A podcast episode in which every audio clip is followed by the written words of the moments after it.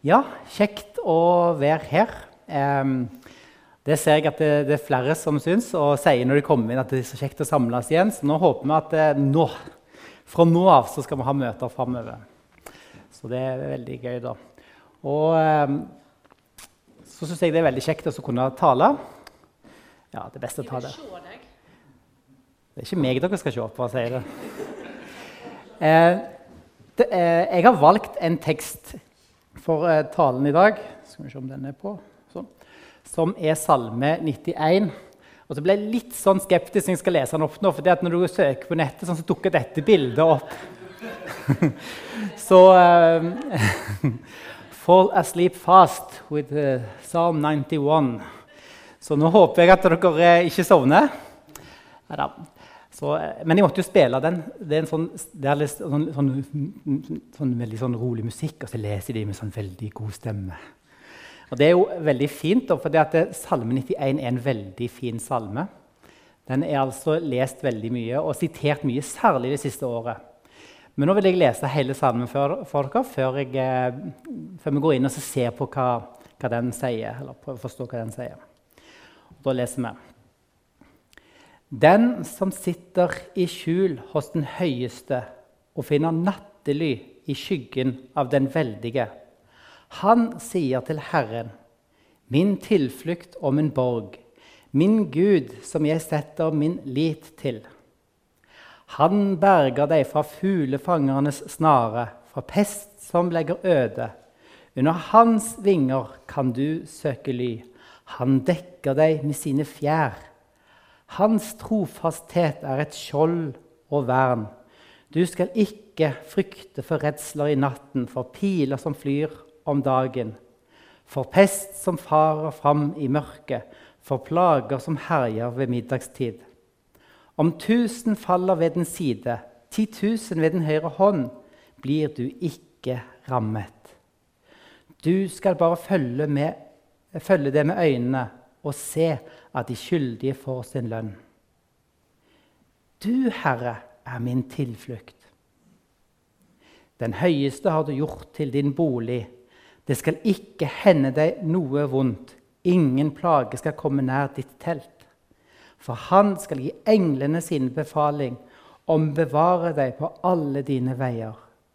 De skal bære deg på hendene, så du ikke støter foten mot noen stein. Du skal tråkke på løve og slange og trampe på ungløve og orm.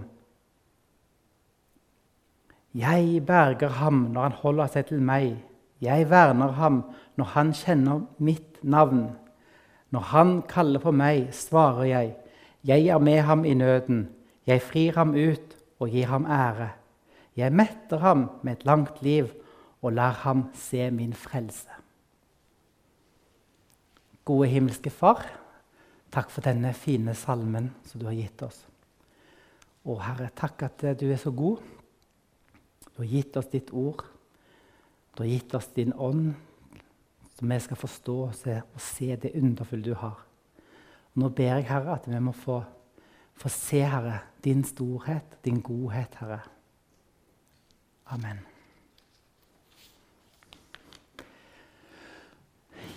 Ja. Som jeg sa, så er dette her en, eh, en veldig ofte sitert salme det siste året. Det, det, er sikkert flere av dere som har hørt eh, de har nevnt Salme 91 etter pandemien kom. Og det er jo ikke så rart, for ser, her leser vi jo om, eh, om at eh, vi skal bli beskytta mot pest som farer fram i mørket. Så det treffer jo veldig godt.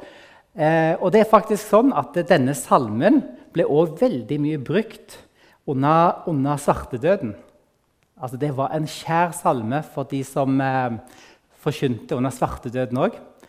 Eh, eh, det er jo forståelig, for vi leser om trygghet og, og, bevaring, og om en god Gud som ønsker oss alt vel her.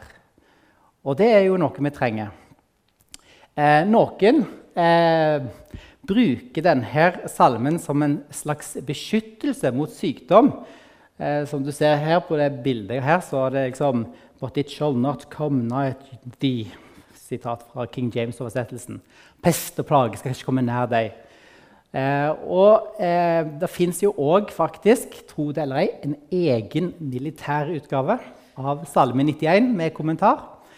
Eh, og i denne, eh, denne, boken der da, så blir det da lova at hvis du le leser denne salmen og tar den til deg og tror på den, så skal du bli bevart i feltet når du er ute og kriger. Da blir det ikke noen som kommer til å drepe deg. Det ble litt sånn hjerteskjærende å lese av en av de som kommenterer, som skriver sånn review eller sånn bokanmeldelse av den boken. En kristen mann skriver at det der er faktisk ikke sant. Jeg er en kristen mann. Mange av mine brødre som har vært med meg i krig, er nå døde. Og de trodde på Gud, men de er ikke lenger. Så det er bare ikke sånn den salmen er. Det er ikke det den handler om.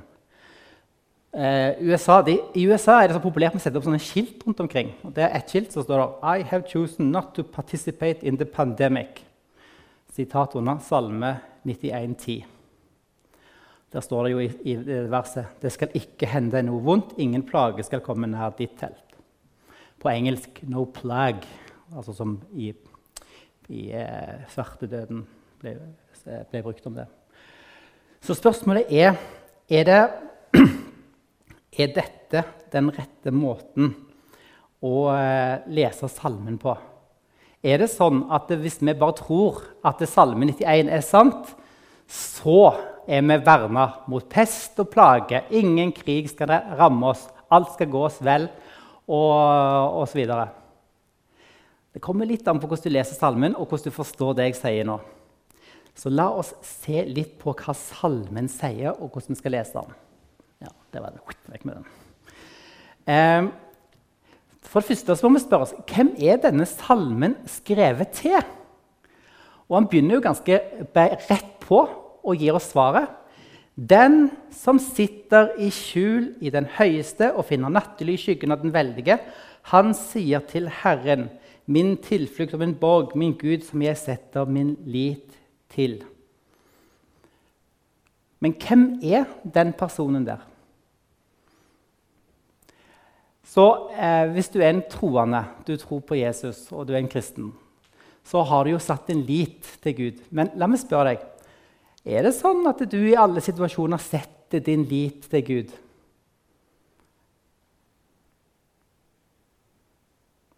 Jeg for min del må innrømme i fall, at det er ikke sånn med meg. Fordi jeg, jeg, tar meg i at jeg bekymrer meg for ting og gjør, gjør ting på menneskelig vis Uh, fordi at jeg uh, tror at nå kommer det til å gå galt. Så da må vi ordne oss opp sjøl innimellom. ikke sant? Så jeg kan iallfall si at den beskrivelsen der er ikke helt sann for meg. Og jeg tror ikke den er sann for noen av oss her inne. 100% Det er ingen av oss som oppfyller den beskrivelsen der. Men hvem er det som oppfyller den beskrivelsen? Hvem er det som er den som sitter? Og da er det sånn at eh, Når du leser salmene, eller leser Bibelen generelt, så må du alltid lese Bibelen ut fra den, de tekstene ut fra den sjangeren de er skrevet i. Og når du kommer til salmene, så er jo det poesi. Og det fins flere typer salmer, så du må liksom vite hva tekst har du. Hva handler denne teksten om? Hvem er dette som denne salmen, Hvem er personen denne salmen er skrevet om?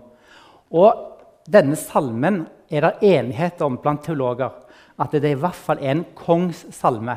Det er skrevet om kongen i Israel.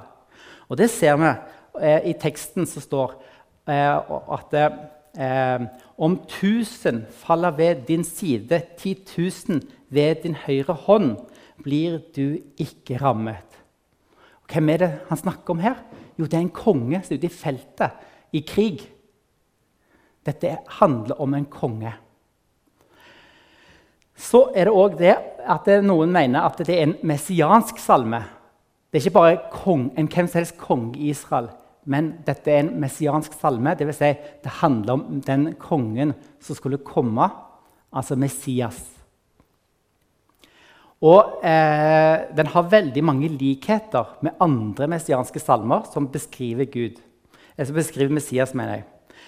Vi legger òg merke til at det, eh, selv om vi kanskje ikke skal ta etter til den personen, da, så er det en annen person eller hva vi skal kalle han for, som leser denne salmen som en messiansk salme. Det er djevelen. Djevelen leste dette som en messiansk salme, og der, om ikke, andre, om, om ikke noe annet, så hadde han rett. Hva sa djevelen? Er du, sier han til Jesus, Guds sønn, så kast deg ned herfra, fra, fra tempelet, fra, fra toppen der, ja. Eh, for det står skrevet, og så siterer han denne salmen. Han skal gi englene sine befalinger om deg, og de skal bære deg på hendene så du ikke støter foten med noen stein. Er du Guds sønn? Og det er Guds sønn når det ble brukt her i Gamle testamentet, så ble det brukt altså om Messias. Les Salme 2. Er du Guds sønn? Dette handler ikke om deg og meg. Den teksten handler om Messias. Hva gjør Messias? Jo, Sitt i skjul av den høyeste, finner nattely i skyggen av den veldige. Han har Gud, Herren, som sin tilflukt og sin borg. Det er han som setter sin lit til Gud. Og Her ser vi òg at det, det blir brukt eh, forskjellige måter å skrive dette på.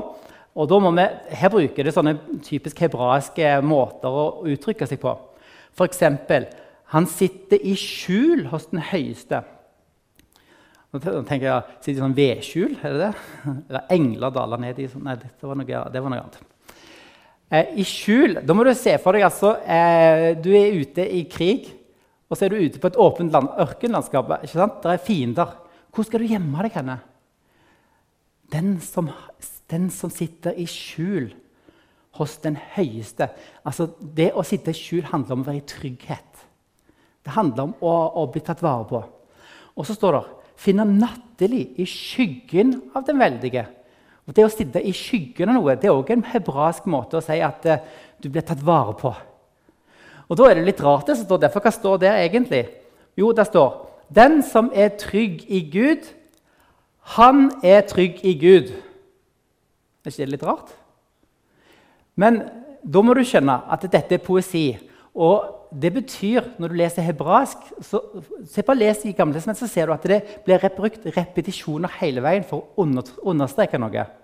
Og Det som står der, det er egentlig at den som søker tryggest hos Gud, er virkelig trygg hos Gud. Det er det som står. Den som søker trygghet, er ordentlig trygg i Gud. Så legger vi merke til en annen ting i den teksten. Og det er at det ble brukt fire forskjellige navn eller ord om Gud i denne teksten. Det er litt interessant. synes jeg da. For det første den som sitter skjult hos den høyeste. Hvem var det som brukte ordet 'den høyeste' kanskje første gangen?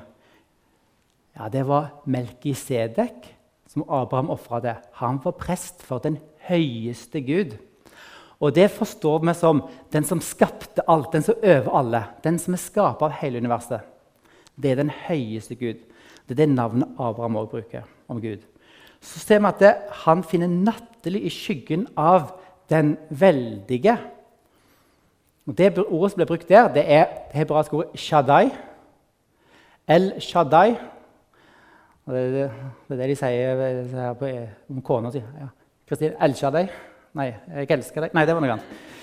El Shaddai, eller Shaddai, det betyr altså eh, den veldige.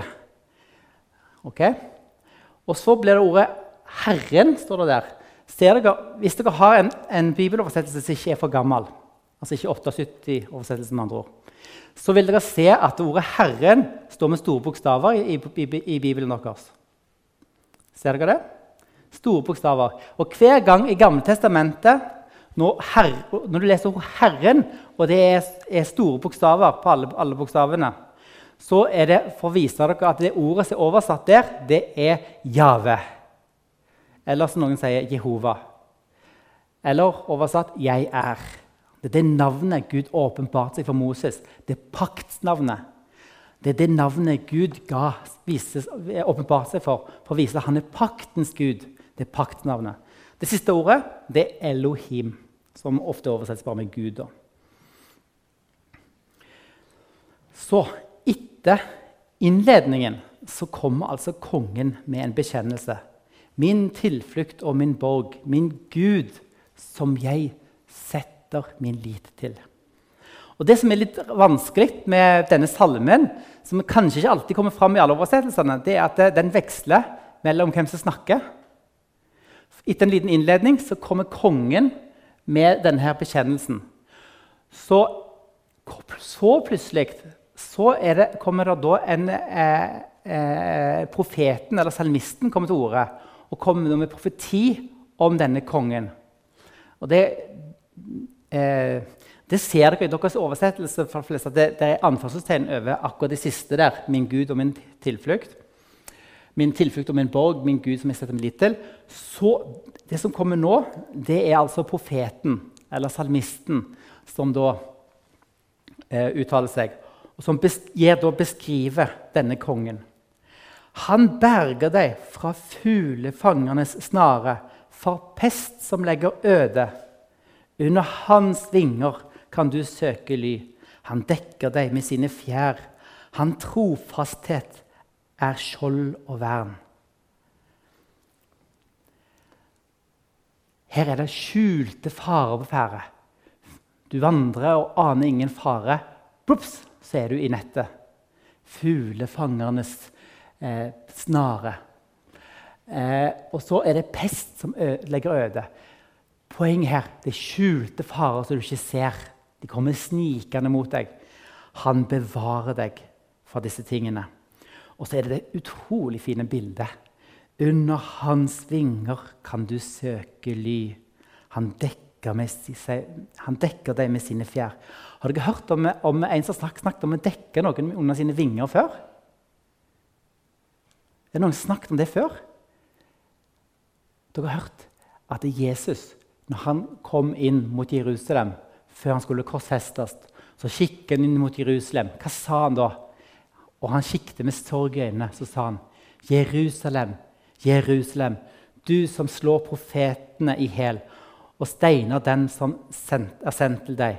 Hvor ofte vil jeg ikke samle barna dine som en høne samler kyllingene under vingene sine? Men dere ville ikke. Det som er så fint med, med den beskrivelsen, der, der, det blir brukt som Gud verner som en, en fugl som tar seg under vingene, det er beskyttelsen og den nærheten. Men det er òg det at hvis du dekker noen for fare med dine fingre, så er det jo fordi at du sjøl stiller deg fram for faren for å ta støyten. Og Det er jo akkurat det vi skal se skjedde. Jesus ville ta alle under sine vinger for at han skulle bli ramma av farene. Du skal ikke frykte for redsler i natten, for piler som flyr om dagen, for pest som farer fra mørket, for plag som herjer ved middagstid. Se for deg kongen ute i feltet igjen, på krig. Og det er farer på alle sider. Redsler om natten. Piler som flyr om dagen. Pest som farer i mørket, og plage som herjer ved middagstid. Og så merker vi en ting til. Se tidsbeskrivelsen av hva tid han ble bevart. Du skal ikke frykte for redsler i natten. Ikke for piler som flyr om dagen. For pest som farer i mørket. For plager som heier ved middagstid. Ser dere det? At beskyttelsen er det som på, på, på ordentlig fint engelsk kalles for 24-7. Det også mye kulere ut på engelsk. Det er 24-7? Nei. Hele dagen er Gud med å bevare. Det er det som står. I mørket, i lyset. Om natten, på dagen. Det er altså gjennom hele dagen. Om tusen faller ved din side, ti tusen ved den høyre hånd, blir du ikke rammet. Du skal bare følge, med, følge det med øynene og se at de skyldige får sin lønn. Det er ikke så lett for oss kanskje, å forstå disse versene. der, fordi vi går nå hjemme her og suller rundt huset og tar en tur på butikken. Spriter oss litt. Da er vi sikra farer. Og så, eh, og så liksom går det nå greit. Men den gangen denne salmen ble skrevet, de levde konstant under frykt. Det var fiender på alle kanter, Og de var alltid klar til å utnytte situasjonen hvis de kunne. Og, og, og ja, kongene i Israel måtte stadig ut og forsvare seg. Så dette her er et utrolig fint løfte. Om tusen faller ved din side og så er det litt gøy for en eh, matematiker å lese dette som står om 10 000 ved den høyre hånd. Og da er det sagt faktisk sånn at På hebraisk så 10 000 det er det største tallet du kan bare symbolisere med et sånn kjent ord. Så det er liksom det høyeste tallet de har. Så det er liksom, Uansett, de kommer til, fiendene kommer til å falle. Du er bevart. Du er trygg. Det er det han sier.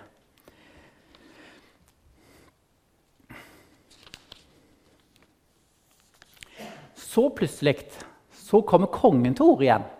Det ser vi med at det er anførselstegn. Kongen sier, 'Du, Herre, er min tilflukt'. Så kom profeten til ordet igjen. Han sier til Herren eh, Nei, så, eh, eh, før det jeg bare ta med den òg. Dette er jo nesten likt det som står i kapittel 2, nei, vers 2. Han sier til Herren, 'Min tilflukt og min borg, min Gud som jeg setter min lit til'. Det er på en måte en repetisjon. Så kommer det en ny dose med, med, med profetier og løfter. Og nå er det profeten som taler igjen. Den høyeste har du gjort til din bolig. Det skal ikke hende deg noe vondt. Ingen plage skal komme nær ditt telt. For han skal gi englene sine befaling om å bevare deg på alle dine veier. De skal bære deg på hendene, så du ikke støter foten mot noen stein. Du skal tråkke på løve og slange og trampe på ungløve og orm. Og Disse versene kjenner vi igjen. Om, dere ikke kan Salme 91 uten at dere kjenner godt til den, så klinger kanskje disse litt mer kjent. For dette er jo det djevelen brukte når han traff Jesus ute i ørkenen, i ødemarken. Hva sa djevelen? Da tok djevelen ham med til den hellige byen, stilte ham ytterst på tempelmuren og sa er du Guds sønn, så kast deg ned herfra. For du er jo bibeltro, så her står det skrevet. Han skal gi englene sine befaling om deg. Og de skal bære deg på hendene, så du ikke støter foten mot noen stein. Dette er den eneste plassen vi ser djevelen sitere Bibelen. Men det er jo litt morsomt å se at han kunne sin bibel. djevelen. Han visste hva som sto der. Og eh, ja, har han ikke rett, djevelen? Han siterer jo bare Bibelen. Det står jo der, svart på hvitt. Vi ser det jo. Så hvor er feilen? Hva er feilen? Nå er det sånn, og dette kan vi gjenta så mange ganger at jeg håper dere aldri blir lei av det. Men på en måte håper vi gjentar det så mange at dere blir lei av det. En tekst Du kan aldri ta ut et vers av sin sammenheng og bare lese det sånn. Det er det djevelen gjør. Han plukker et vers ut av sin sammenheng, og så leser han det for Jesus. Det er jo sant, det som står der. Han skal bevare deg. Det er helt sant. Men han har satt ut av sin sammenheng. Og hva er det som er viktig for denne kongen? Hva er det som er blitt gjentatt om kongen, som nok ikke gjelder for deg og meg ikke fullt ut, men som gjelder for denne kongen, som nå djevelen står foran? Jo, denne kongen har satt sin lit til Herren. Du, Herre, er min tilflukt. Det var vers 9. Og i vers eh, 2.: Min tilflukt og min borg, min Gud, som jeg setter min lit til. Men djevelen han ville bare at, Gud, at Jesus skulle teste Gud om han virkelig ville hjelpe ham.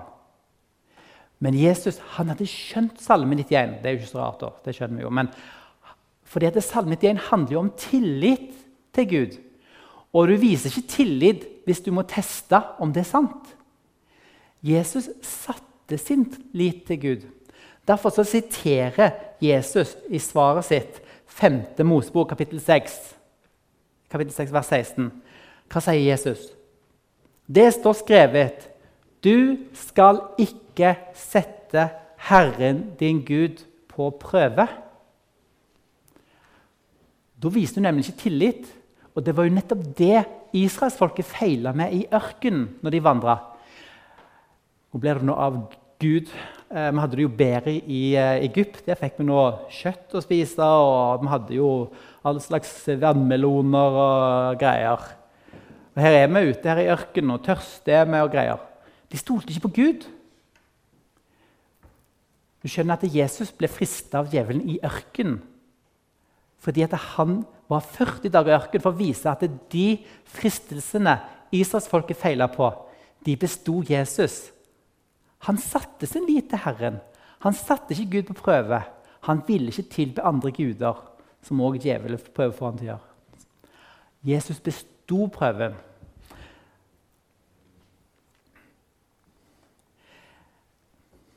Så får vi altså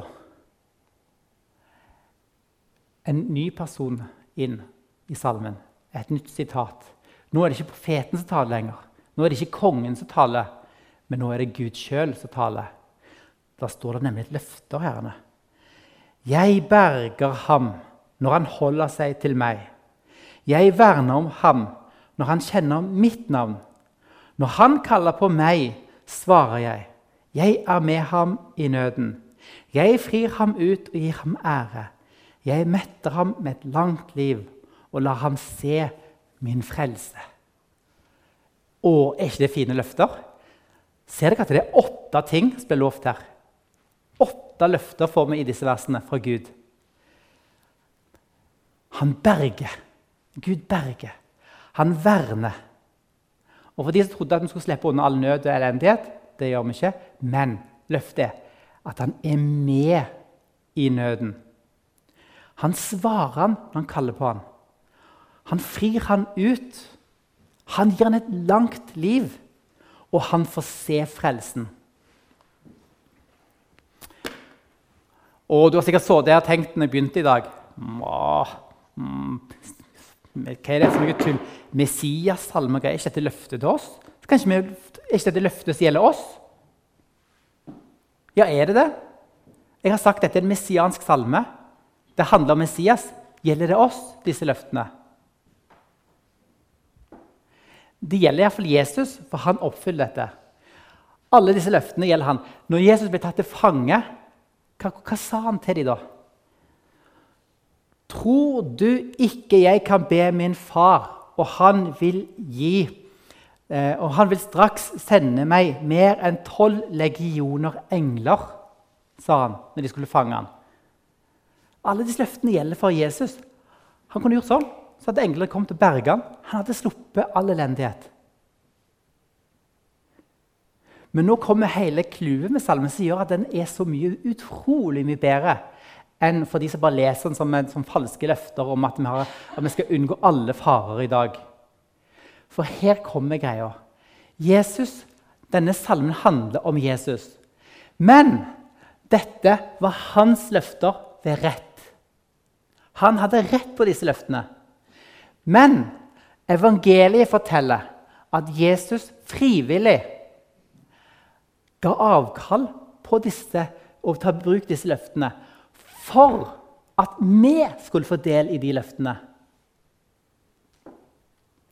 Jesus sa i Johannes kapittel 10 og vers 18.: Ingen tar mitt liv.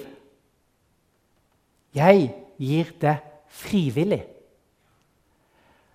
For Jesus han kunne godt klare alt hvis han ville. selvfølgelig. Men han, han ga sitt liv frivillig. For det er nemlig, evangeliet handler nemlig om akkurat dette. At den kongen som denne salmen handler om, ga avkall på de rettene for at du og meg skulle få del i dem. Vi skal ta Gud på alvor. Vi skal ikke gå verken til høyre eller venstre, som Miriam sa. Men vi vet jo at vi klarer ikke å leve etter budene. Vi er ikke den kongen som setter all vår lit til Gud i alt vi gjør. Nei, vi er ikke den personen som blir beskrevet der. For vi feiler gang på gang på gang. Men Jesus er det. Og her er evangeliet. Budene som vi ikke klarer å holde, holdt Jesus. Ingen gang synda Jesus. Ingen gang. 100% rettferdig levde Jesus på jorda alle dager han vandra iblant oss. Så skjer det at Jesus gir sitt liv til oss. Han vandrer, blir tatt til fange, blir spytta på, slått i ansiktet. De kler ham naken. De presser ei tornekrone over hodet hans, et blod renner. De fører han ut til Golgata. Han må bære sitt eget kors så langt på veien han klarer. Så spikrer de han fast. Den personen som ikke skulle ha noen fare, han spikrer de nå fast til korset. Og der dør han en skamfull død. Min Gud, min Gud, hvorfor har du forlatt meg? Det var ordene fra Jesus. Å være en kristen handler om å sette sin lit til verket som Jesus gjorde på korset. Når du setter din lit til det Jesus gjorde på korset, så får du del i disse løftene. For vet du hva Bibelen sier du er da? Ser, de blir, brukt gang på gang gjennom hele Nytestamentet. ser du, At vi er, er, i Kristus. I Kristus har vi nå del i dette. Nå er det vi. Vi er ikke den Messias, men vi er i Messias. Vi er i Kristus. Vi får del i dette løftet pga. Han. Den beste kommentaren Da kan høre min tale. Det, den er ikke så viktig. Men hvis du vil ha en veldig god kommentar til Salme 91, så skal du lese Romerbrevet kapittel 8. Romerbrevet kapittel 8. Der står det om all nød og fare som vi ble bevart i. Han står det i Romerne 8,32. Han som ikke sparte sin egen sønn, men gav ham for oss alle, kan han gjøre noe annet enn å gi oss alt sammen med han I Han, Messias, har vi alt vi trenger. For jeg er visst på at verken død eller liv, verken engler eller krefter, verken det som nå er, eller det som kommer, eller noen makt, verken det som er det høye eller det dype, eller noen annen skapning, kan skille oss fra Guds kjærlighet i Kristus Jesus, vår Herre står det i Romerbrevet.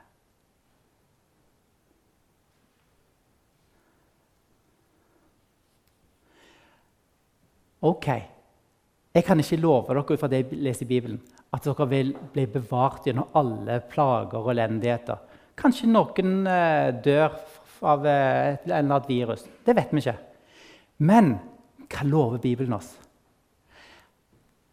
Selv om vi måtte en dø, så er vi trygge. Fordi at vi har løfter. Vi har løfter. Hva var det, hva var det som sto her? Jeg metter ham med et langt liv. Kunne også skrevet et evig liv. Han skal og lar ham se min frelse. Disse løftene har vi del i fordi vi er i Kristus. Vi skal få se han som han er, står det. Dette er evangeliet. Salme 91 handler om dette. Kjære gode Gud, takker deg, Herre, for denne salmen.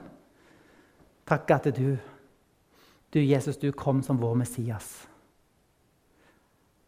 Du kom, Herre, du levde et helt rettferdig liv. Og takk, Herre, at du, i troen på deg så har vi òg evig liv. Amen.